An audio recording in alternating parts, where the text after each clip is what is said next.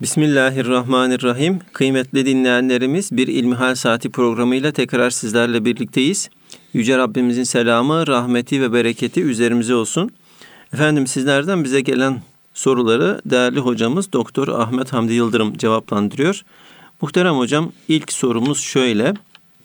Üç hanım yani üç kadın ve yanlarında 14 yaşlarında bir erkek çocuktan oluşan bir aile erkek hocadan kanun ve şan dersi almaları caiz midir?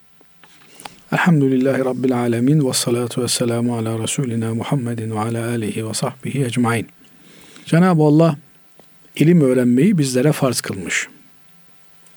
Hazreti Peygamber aleyhissalatü vesselam Efendimiz ilim Çin'de dahi olsa onu talep ediniz buyurmuş. Fakat öğrenilmesi farz olan, talep edilmesi gereken ilim hangi ilimdir meselesi alimlerimiz tarafından tartışılmış.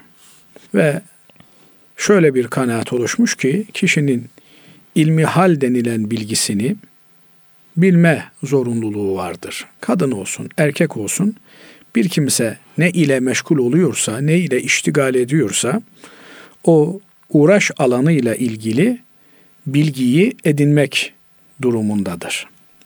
Efendim bir kimse namaz kılıyorsa, namaz kılacaksa namazın bilgisini bilmesi lazım. Ticaret yapacaksa ticaret bilgisini bilmesi lazım. Ticarette neyin helal, neyin haram olduğunu en azından ana hatlarıyla bilmesi lazım. Nitekim Hazreti Ömer radıyallahu an Efendimiz helal ve haram mevzularını bilmeyen kimseler bizim çarşımızda, pazarımızda alışveriş yapmasınlar buyurmaktadır. Binaenaleyh eğer alışveriş yapacaksa bir kimse ki hepimiz alışveriş yapıyoruz. Buna dair dinimizin emirlerini, yasaklarını bilmesi gerekiyor. Elbette bazen bir takım ince meseleler olabilir. Bunlarla ilgili müftü efendilerimize sormamız gereken meseleleri sorarız. Eğer bir bölgede, bir muhitte, bir semtte bir kadının, bir hanımefendinin öğrenmesi gereken dini ilimleri veya fenni ilimleri, işte bir kadın düşünün ki mesela ailesine yemek yapacak, yemek nasıl yapılır? Öğrenmek durumunda. Efendim çocuklarına, beyine elbise dikecek, elbise nasıl dikilir? Bunun da ilmini öğrenmek durumundadır. Böyle bir durum söz konusu ise o zaman bu kimsenin hem cinsinden bu meseleleri öğrenmesi durumu söz konusudur. Yani kendisine ilmihal bilgilerini öğretecek, inanç esaslarını anlatacak, hanım hocalara müracaat eder, onlardan bu bilgileri tahsil eder. Efendim dünyevi olarak bilmesi gereken bir şey varsa yine bunu hanım hocalar vasıtasıyla öğrenir. Bir de bir takım ilimler, bir takım fenler vardır ki bunları öğrensen de olur, öğrenmesen de olur. Bir takım ilimler de vardır ki bunlar zararlı şeylerdir. Bunları öğrenmek doğru değildir. Buna ilim denir mi? Efendimiz Aleyhisselatü Vesselam Cenab-ı Allah'a sığındığı dualarda Allahümme inni a'udhu bike min ilmin la yenfa. Fayda vermeyen ilimden de sana sığınırım buyurmuş. Hocam bunlara ikisine örnek verebilir misiniz? Hani faydası olan olmayan bir de zararlı olanlara. Misal Şimdi, olarak. Faydası olan ilim nedir? Kişiyi Allah'a götüren ilimdir. Kişinin dünyasına veya ahiretine faydalı olan ilimdir. Biz Müslüman olarak dünyayı ihmal etmek gibi bir düşünceye sahip olamayız. Çünkü dünya da bize lazım. Dünya sayesinde biz ahiret hayatını kazanma imkanı buluyoruz. Eğer şu dünya denilen dershaneye gelmemiş olsaydık o zaman buradan ahireti kazanma imkanını elde edemezdik. Binaenaleyh dünya bizim için ahiret tarlası olması hükmüyle çok önemli bir yerdir. Bu dünya hayatındayken yaptığımız ameller bizlere sevap olarak ahirette verilecektir. Eğer biz bu dünya hayatını ihmal edersek, bu dünya hayatı boş, fani diye değerlendirmeden geçersek, beraberinde ahiret hayatımızı da ihmal etmiş, ahiret hayatımızı da terk etmiş oluruz. Dolayısıyla Cenab-ı Allah bizi yeryüzünü imar etmek için göndermiş. Fakat bu imar meselesi yeryüzünde gökdelenler yapmak, işte büyük büyük binalar dikmek, imar faaliyetleri bildiğimiz anlamda inşaat olarak bizlere vazife yüklenmemiş. Yeryüzünü ahiret hayatına uygun yaşayabilecek bir hale getirmek noktayı nazarından imarı talep edilen bir alan olarak görmek lazım. Yani yeryüzünde ahireti kazanabilecek fırsatları çoğaltarak bir imar faaliyetinde bulunmak lazım. Evini yaparsın, içine girersin, barınırsın. Böylelikle soğuktan, sıcaktan, yağmurdan, çamurdan korunursun. Efendim yine dünya hayatını kolaylaştıracak, dünya ile meşguliyetlerini azaltacak şekilde dünyalıklar noktayı nazarından da bir çabanın içerisinde olursun. Mesela efendim eskiden bir elbiseyi yıkamak için insanlar bir gün dere başına gidiyorlar. Ellerinde sopalarla elbiseleri döverek efendim temizlemeye, beyazlatmaya, akar ağartmaya çalışıyorlardı. E şimdi çamaşır makinesi denilen bir nimet var. Çamaşır makinesinin içerisine koyuyorsun, biraz da toz koyuyorsun, deterjan koyuyorsun. Bir saat sonra tertemiz olarak veriyor. Eskiden alıyordun bunları güneşte kurutmaya çalışıyordun. Bir gün iki gün eğer nemli bir ortamdaysan kurumuyor vesaire filan. Şimdi kurutma makineleri var. İşte bunları yapmak insanların dünya ile olan dünyalık meşguliyetlerini azaltmaya yönelik faaliyetler olması hasebiyle aslında ahirete zaman ayırmamıza yarayan işlerdir ve faydalı işlerdir. Ama bir de düşünün ki efendim cahiliye dönemi şiirlerini ezberlemiş, cahiliye dönemi şairlerinin neseplerini biliyor. Ansiklopedik olarak işte filan zat ve işte filan kimse ta Adem Aleyhisselam'a kadar şu sülaleyle ulaşıyor diye bir bilgi bilsen ne olur bilmesen ne olur sana bir faydası var mı? Yok. Şimdi mesela Türkiye, Türkiye'mizde eğitim alanında bakıldığında adam bakıyorsunuz psikiyatr okumuş gitmiş bir torna tezgahında torna tesviyeci olarak çalışıyor. E okuduğun psikiyatrın sana ne faydası oldu? Diğer taraftan bakıyorsunuz bir adam kimya okumuş, fizik okumuş, efendim veterinerlik okumuş, dış ticaret departmanında ihracat sorumlusu olarak çalışıyor. Efendim ne bileyim bir kahvede çaycı olarak çalışıyor. E o kadar okuduğun şeylerin sana ne faydası oldu? Binaenaleyh insana faydası olan bir ilmin olmasıyla zararı olan bir ilmin olması her ikisi de mümkün ve muhtemel. Hani bir nükte anlatırlar Basri Hocam. Hattat'ın bir tanesi bir kayığa binmiş. Biraz da böyle kibirli bir tavırla kayıkçıya sormuş sen yazı yazabilir misin demiş. Kayıkçı da mahcup edeyle ben demiş mektep medrese görmedim yazamam demiş. E desene demiş ömrünün yarısı gitti. Birazdan bir fırtına kopmuş. Efendim kayık alabora olmak üzere Kayıkçı dönmüş demiş ki Hattat Efendi'ye o güzel yazı yazan zata siz demiş yüzme bilir misiniz demiş. Bilmem demiş. Desene demiş senin de hayatının tamamı gitti. Binaenaleyh her şeyi yerli yerinde kullanabilmek önemli. Evet. Şimdi burada kardeşimiz diyor ki ben diyor kanun çalacağım diyor. Yani bir müzik enstrümanı çalacağım diyor. Bunu bir erkek hocadan üç bayan bir çocuk böyle bir ortamda öğrenebilir miyiz? Niye bu e, kanun dersini veren bir bayan hoca yok mu? Niye erkek hocadan öğrenmek durumundasınız? Efendim ya bu erkek hoca daha iyi öğretiyordur veya daha ucuza öğretiyordur veya işte başka bir takım sebeplerden dolayı tercih ediliyordur. Öncelikle tabii şunu sormak lazım. Bir hanımefendi kanun çalmasa onun dünyasına veya ahiretine bir zarar gelir mi? Veya işte bir eksilme meydana gelir mi? Yani düşün mesela benim anam kanun çalmadan yaşadı öldü gitti. İşte senin de Basri Hocam muhtemelen anacığın sağ Allah hayırlı uzun ömürler versin. Duasını almayı nasip etsin sizlere. Amin inşallah. Nenen kanun çalmadan öldü gitti kadıncağız. Bir eksikliğini gördü mü? Benim anam kanun nedir onu bile bilmezdi. Bildiği bir tek kanun vardı. O da İslam kanunu.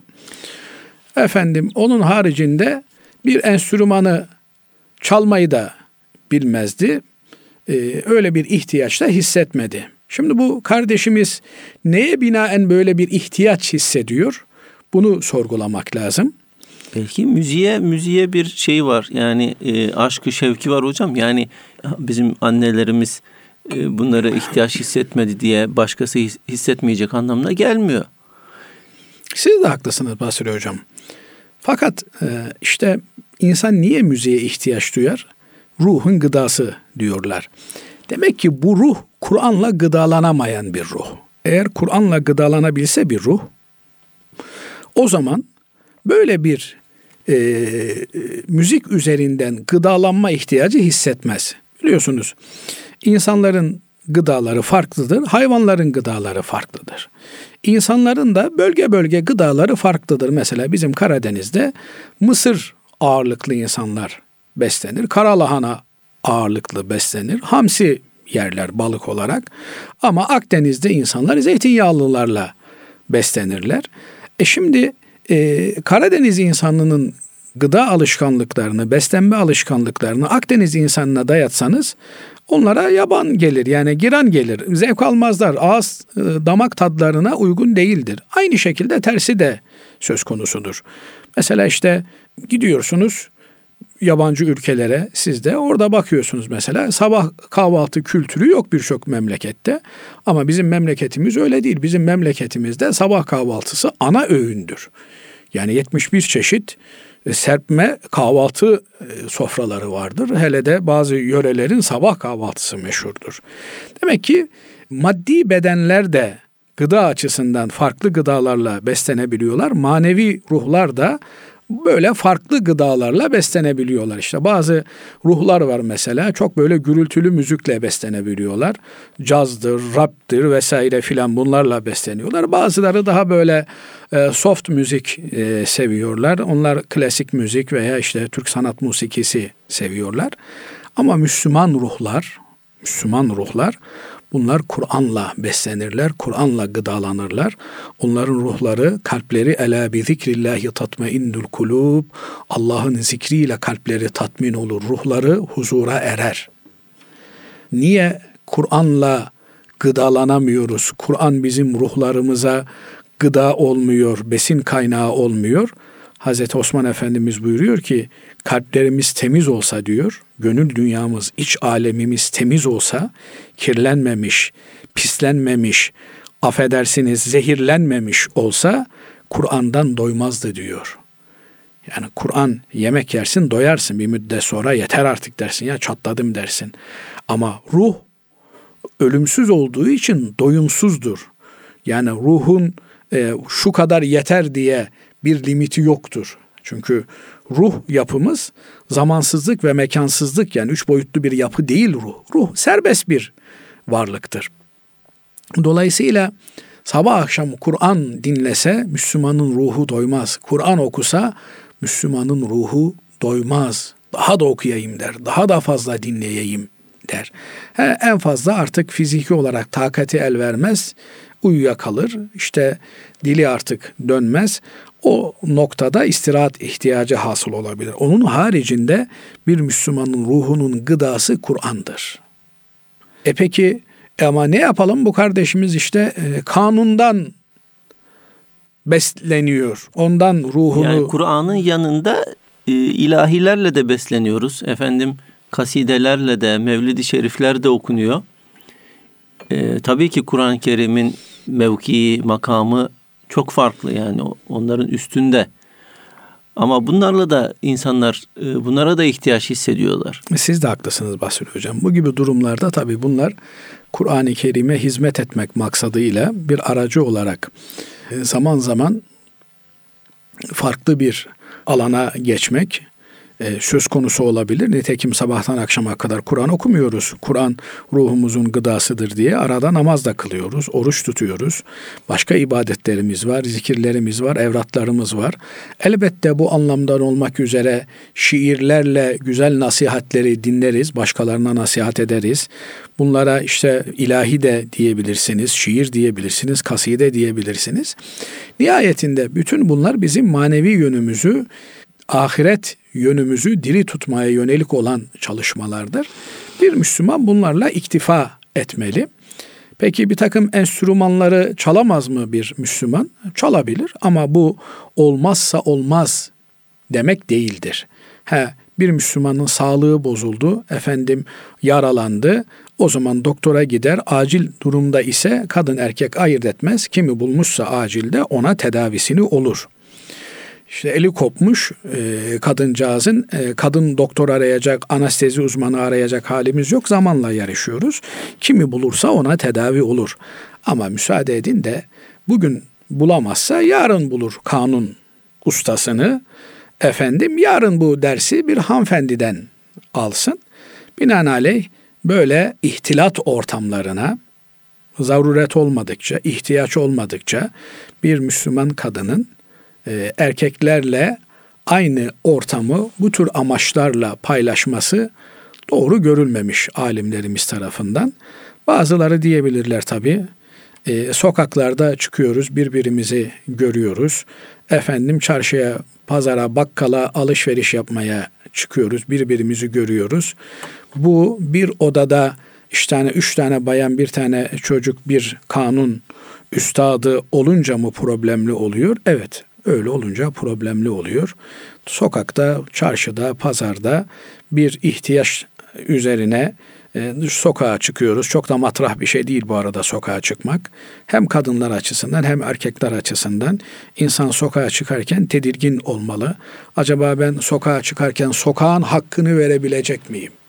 Sokağın hakkı var mı? Evet. Efendimiz Aleyhisselatü Vesselam yol başında duran birilerini görünce yol başında durmayın diyor. Eğer duracaksanız hakkını verin.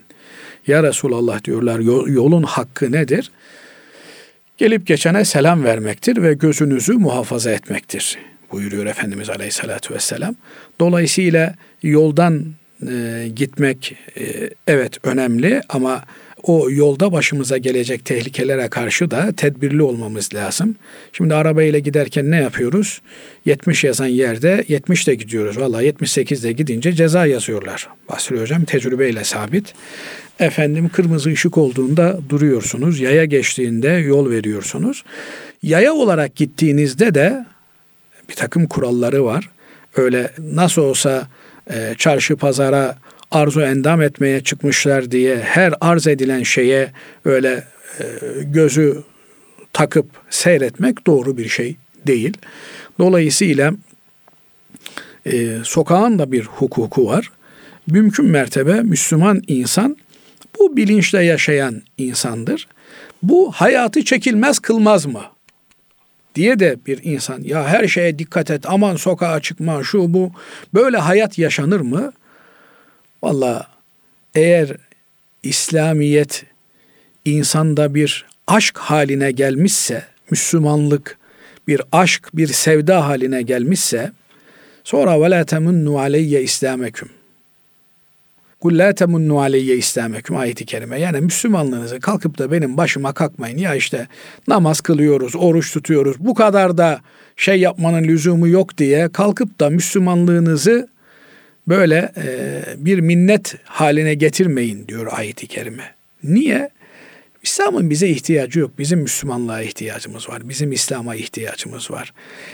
İslam'ın bizi beğenmek gibi, bize kendini beğendirmek gibi bir derdi yok. Bizim Müslüman olarak Allah'a kendimizi beğendirme gibi bir derdimiz olmalı. Kul olan biziz, köle olan biziz.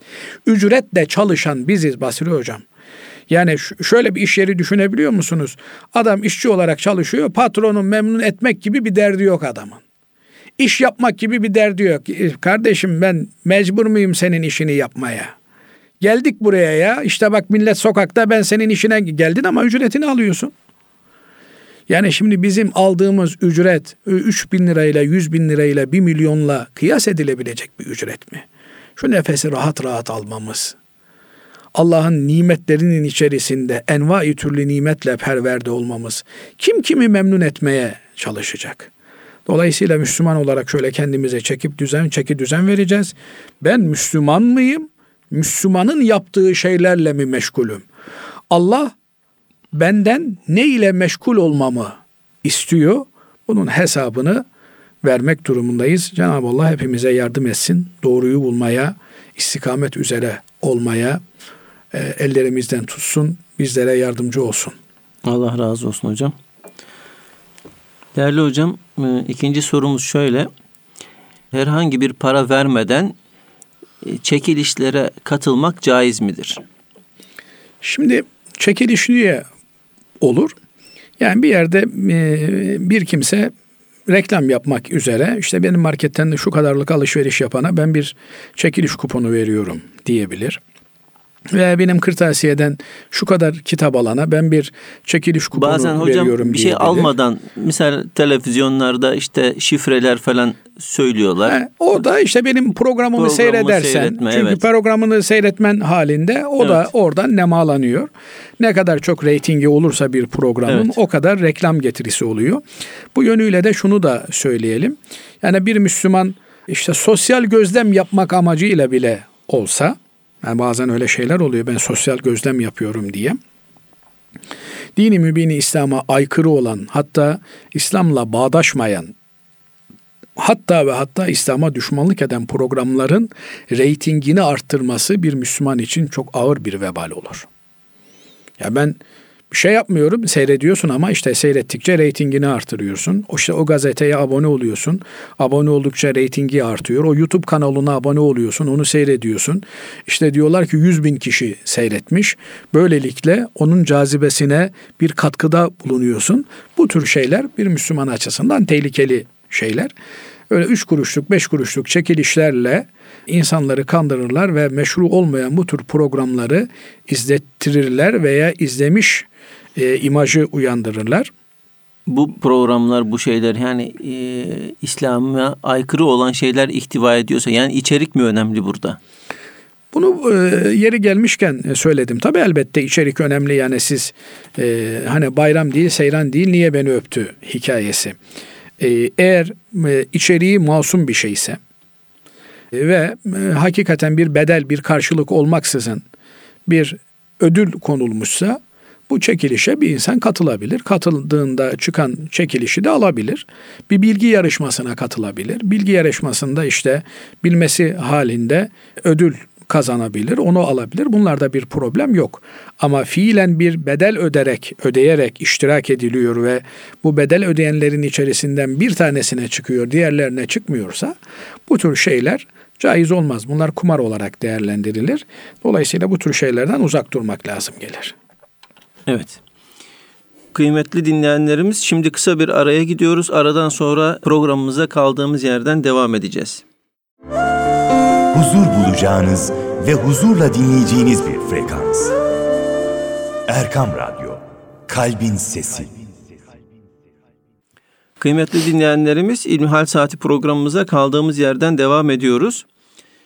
Değerli hocam Doktor Ahmet Hamdi Yıldırım sizlerden bize ulaşan soruları cevaplandırıyordu.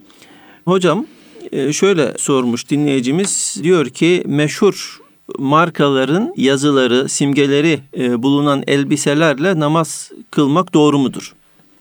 Ya, namaz açısından üzerinde resim olmayan şeylerle kılınan namazda bir sıkıntı olmaz. Ama namazın kabul olup olmaması veya namazın geçerli olup olmaması bir tarafa bırakılacak olursa bu tür e, marka olan şeyleri alıp kullanmak caiz midir, değil midir diye soracak olursa bir kimse bu kardeşimize söyleyeceğimiz şey şu, şu olur. Bir Müslüman marka meraklısı olmaz. Hele de Müslümanlara ait olmayan bir markanın meraklısı olmaz.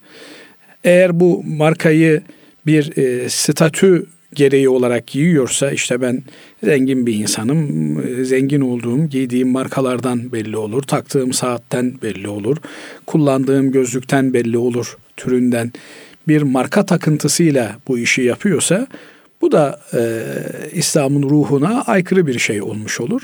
Çünkü Cenab-ı Allah bize bu nimetleri örtünme maksadıyla verdiğini söylüyor.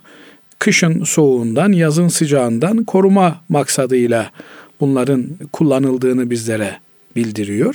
Giydiğimiz e, şeylerin bunun dışında bir sosyal statü e, göstergesi olarak kullanılması, bir zenginlik, bir gösteriş alameti olarak teşhir edilmesi e, bir Müslümana yakışır durum değil. Binaenaleyh böyle bir gaye ile giyilmesi asla ve asla doğru olmaz.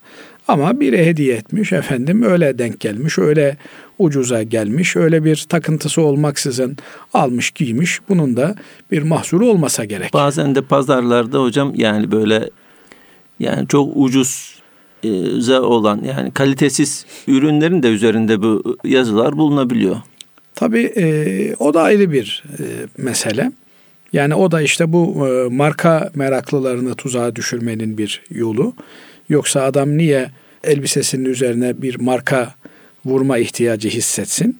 Elbette insan bir markayla satış yapabilir ama eğer kendisine ait olmayan, itibarı olan bir markayla bu e, taklit ederek satışı yapıyorsa bu da caiz değil. Yani bu da kul hakkına girmek demek olur.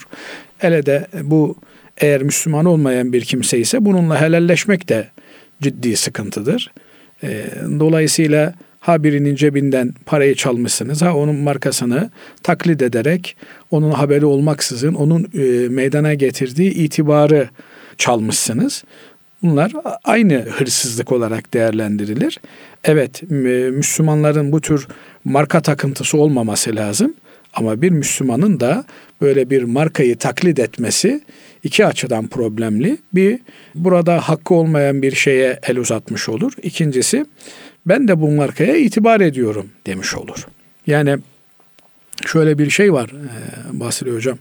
Piyasada geçerliliği olan şeyler taklit edilir. Evet. Aslında her taklit de o işin gerçeğine bir bir nevi katkı, reklam katkısı sağlar.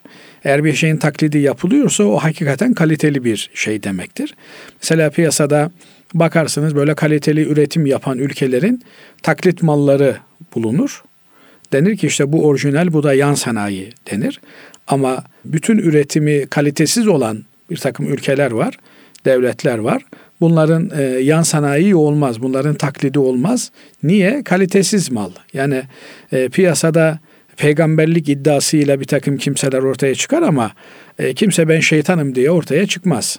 Yani ben doğruyum, e, iyi üretiyorum diye piyasaya çıkanlar vardır. Niye? İyi ve doğrunun alıcısı çoktur. Kimse ben sahtekarım diye ortaya çıkmaz. Vallahi arkadaşlar ben sizi dolandırıyorum diyerek kimse piyasada bir ticaret yapmaz. Bütün bu tür dolandırıcılık faaliyetlerinde bulunanlar Allah ben dürüst adamım diye söze başlar. Niye? Dürüstlüğün bir karşılığı vardır. Binaenaleyh eğer bu tür marka e, nesneler, şeyler piyasada geçerliliği var diye bir Müslüman tarafından taklit edilerek sahtesi yapılıyorsa, taklidi yapılıyorsa bu iki açıdan da sıkıntılı bir durumdur. Buna da tevessül etmemek lazım. Bir Müslümanın da böyle bir marka takıntısının olmaması lazım. Ha şu olabilir. Efendim şu marka kaliteli. Dolayısıyla ben her gün gidip de çarşıdan pazardan gömlek alacak halim yok. Bir gömleği alıyorum 10 sene giyiyorum. Onun için kaliteli olmasına dikkat ediyorum. Efendim şu araç kaliteli. Ben de işte e, bir ticaret yürütüyorum, çok yolculuk yapıyorum. Hemen ilk e, çarpmada e, dökülen bir araç yerine biraz daha kaliteli bir araca biniyorum diyebilir bir Müslüman. Buna bir problem yok. Ama bunu bir tutku haline getirmek, bunu bir alışkanlık olarak, bir itibar olarak yapmak bunlar doğru şeyler değil. Bunlardan uzak durmak lazım. Evet. Diğer bir sorumuz şu. Ayakta su içmek caiz mi? Efendimiz Aleyhisselatü Vesselam'ın ayakta su içtiği rivayet edilmiş. Ayakta su içmenin mekruh olduğunu söyleyen alimlerimiz var. Kitaplarımız yazıyor. Bazı alimlerimiz de bunun sağlıkla ilgili bir gerekçeden dolayı mekruh olduğunu söylerler. Yani ayakta içilen e, suyun sağlık açısından insan vücuduna e, zararlı olduğunu söyleyenler olmuş. Buna binaen mekruh kabul edilmiştir. Yoksa e, su oturarak içildiğinde sağlık açısından daha faydalı olduğundan dolayı tavsiye edilmiştir. Mamafi Efendimiz Aleyhisselatü Vesselam'ın genelde oturarak suyu içtiği görülüyor. Suyu ayakta içmek tenzihen mekruhtur denilebilir. Bu tür sağlık e, gerekçelerine binaen yoksa ayakta da su içilebilir. Ama genelde alıştığımız, gördüğümüz, bildiğimiz suyun oturarak içilmesi sağlık açısından da bu faydalı olduğu için oturarak içmek daha doğru. Erkeklerin takke takması dinin emri midir? diye soruyor başka bir dinleyicimiz. Şimdi tabi burada dinin emri meselesi din takke takın, çorap giyin. E, çorap giymek mesela dinin emri midir? Evet. Dinin emri midir? Peygamber aleyhissalatü vesselam Efendimiz çorap giymiş mi?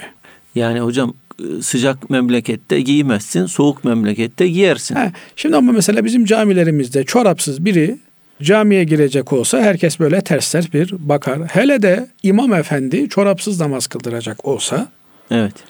kıyamet kopar. Peki çorap dinin emri midir? Din çorap giyin, kemer takın, kravat takın demez. Din Estağfirullah. Hudu zinetekum inde kulli mescidin. Her namaz kılacağınız zaman, camiye gideceğiniz zaman süsünüz üzerinizde olsun der. Zinetinizi güzel giyim kuşamınızla beraber namazı kılın der. Çünkü namaz alemlerin Rabbinin huzurunda kıyamda durmaktır. Binaenaleyh bu kıyamın huzura uygun olması lazım gelir. Şimdi böyle baktığımız zaman takkenin, sarığın bir Müslüman giysisinin parçası olup olmadığı meselesi gündeme gelir.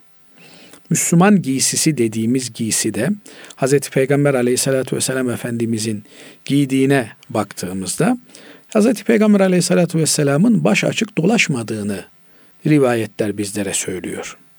Kittani denilen e, önemli bir sünnet aliminin Eddiaye Eddiame fîmâ varade min sünneti ahkâmil imame adlı eserinde Hz. Peygamber aleyhissalatü vesselam Efendimizin baş açık dolaşmadığı, baş açıktan kastı da sarıksız dolaşmadığı şeklinde rivayetler yoğun olarak burada zikredilmekte. Binaenaleyh bir Müslüman namazda baş giysisini üzerinde bulundurur. Başında bir giysi olur. Bu giysi takke olur veya sarık olur. En azından takke olur. Niye? Müslümanlık örfünde başında örtülmesi adaptan kabul edilmiş. Buna göre mesela bizim büyüklerimiz anlatırlar, hocalarımız anlatırlardı. İşte 1930'lu yıllar, 20'li yıllar e, Cumhuriyet e, dönemi bir takım inkılaplar yapmasına rağmen baş açık gezme ayıp karşılanırdı derler. Yani bir Müslümanın baş giysisi olmadan sokağa çıkması lalet teşbih bir Müslüman kadının bugün başörtüsüz sokağa çıkması gibi algılanırdı. Dolayısıyla baş giysisi buna işte takke deyin, sarık deyin, ne derseniz deyin. Bir Müslümanın kimliğinin bir parçası olarak fes giymişler. Efendim sarık takmışlar. Bir parçası olarak görülmüş. Ama daha sonra tabi baş giysisi olarak Müslümanlıkla bağdaşmayan bir takım giysiler de dayatıldığı için yavrun şapkasını takacağımıza hiçbir şey takmayalım başımıza deme noktasına gelmişler.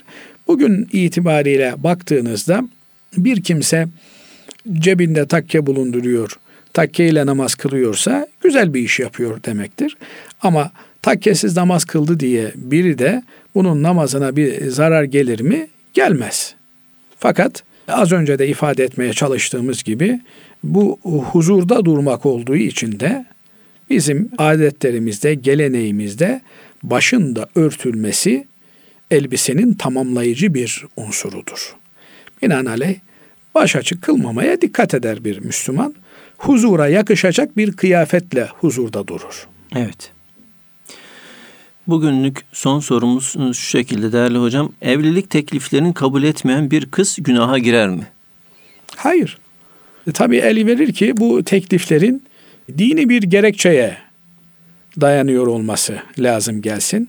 Yani kendisine evlilik teklifinde bulunan bir genç eğer Müslüman bir gençse, namazında, niyazında hak hukuk bilen bir gençse, e, bunun fakirliğini, efendim bunun işte e, soy sop olarak çok böyle soylu bir soydan gelmiyor olmasını, çok da fazla fiziki endamını problem etmemek lazım. Ama elbette bir hanımefendi kendi yaşayacağı, hayat geçireceği, ölüme kadar beraber olacağı kişiyi tercih etme hakkına sahiptir. Nitekim bakın burada çok önemli bir mesele var. Hazreti Peygamber aleyhissalatü vesselam Efendimiz döneminde Efendimiz aleyhissalatü vesselamın hanımlarından Ayşe validemiz Berire adlı bir cariyeyi satın almış. Hizmetli bayan köleyi satın almış. Sonra da hürriyetine kavuşturmuş, özgürlüğüne kavuşturmuş. Tabi cariye olduğu için vaktiyle, köle olduğu için efendisi bunu bir adamla evlendirmiş. Sahabe efendilerimizden biriyle evlendirmiş. Özgürlüğüne kavuştuğunda hem esaretten özgürlüğüne kavuşuyor hem de kocasını reddetme hakkına sahip oluyor. Dolayısıyla bu Berire adlı sahabiye hanımefendi radıyallahu teala anhu mecmain çok akıllı bir hanımefendi, e, çok dirayetli bir hanımefendi. Hürriyetine kavuştuğunda kocasıyla da olan ilişkisini bitirmiş. Kocasına demiş ki ben bundan sonra seninle evli kalmayacağım demiş. Bu noktadaki hakkını kullanmış. Köle olduğu için, cariye olduğu için özgürlüğüne kavuştuğunda zorla evlendirildiğinden dolayı evliliği sürdürmeme hakkına sahip bir kadın. Bu sahabe efendimiz kocası da çok üzülmüş, çok hanımını severmiş. Efendimiz Aleyhisselatü Vesselam'a gitmiş. Ya Resulallah demiş, ben beriresiz yapamam. Ne olur demiş. Şefaatçi olsanız da Berire tekrar evimize dönse evlilik hayatımızı devam ettirsek. Efendimiz Aleyhisselatü Vesselam Berire'ye demiş ki kızım demiş kocana dönsen olmaz mı demiş. Berire dedi ki çok akıllı bir kadın diye ya Resulallah demiş. Eğer bir peygamberin ümmetine tavsiyesi olarak, emri olarak bunu söylüyorsanız başım gözüm üzerine ya Resulallah demiş. Ama öyle değil de bir büyük olarak mahallenin büyüğü, kabilenin önde geleni bir büyük olarak aracılık ediyorsanız müsaade edin ya Resulallah demiş. Ben bu adamla evli kalmak istemiyorum demiş. Sahabe efendimiz yani dindarlığı ile ilgili bir problem yok. Kaldı ki düne kadar da berire, cariye yani sosyal statü açısından da toplumun en alt seviyesinde bir kimse ama çok rahat bir şekilde Hazreti Peygamber Efendimiz'e bunu söyleyebiliyor. Efendimiz de hay hay diyor. Ben diyor bir baba tavsiyesi, bir büyük tavsiyesi olarak bunu söyledim diyor. Tercih senin hakkın diyor. O zaman ben onu tercih etmiyorum ya Resulallah diyor. Binaenaleyh bir baba da zorla kızını evlendiremez. Baba da kızına soracak. Kızım filan senden bahsediyor. Seninle evlenmek istiyor. Sen ne dersin? Der ki kitaplarımız eğer susarsa veya işte böyle hafif bir gözyaşı dökerse bu kabul ettiği anlamına gelir. Çünkü eskiden öyle e, kızlar tabi baba ne demek olur olmaz filan demezlermiş babalarına. E şimdi öyle. farklı hocam. Şimdi artık Şimdi farklı. Dolayısıyla şimdi farklı olduğu için şimdiyi müsaade ederseniz evet. söyleyeyim. Şimdinin babaları da farklı tabi. Dolayısıyla e, her şey farklı şimdinin. Kızın açık beyanı e, nasıl uygun görürseniz derse Yine bugünün de tabii edepli kızları var canım. Evet. Yani bugün farklı yok, diyerek yani de hepsi bugün... şey değil. Ha, ne der mesela aklı başında edepli e, bir kızcağız. Aile büyüklerim, babam siz nasıl uygun görürseniz başım gözüm üzerinde der eğer kabul edecek olursa. Eğer kabul etmeyi düşünmüyorsa o zaman der ki ya baba ben işte okuluma devam etmek istiyorum. Biraz daha e, eğitimimi ilerletmek istiyorum. Hafs kıraatını ezberlemiştim. Şimdi Amr kıraatını da ezberlemeyi düşünüyorum filan diye bir gerekçe söyler. Buradan anlar ki baba e, çocuk istemiyor. E, tabii bir kızı bin kişi ister bir kişi alır. Dolayısıyla ama eğer e, bir kız hakikaten evliliğinde huzur bulmak istiyorsa, rahat etmek istiyorsa evliliğini dini gerekçeler üzerine dayandırmalı.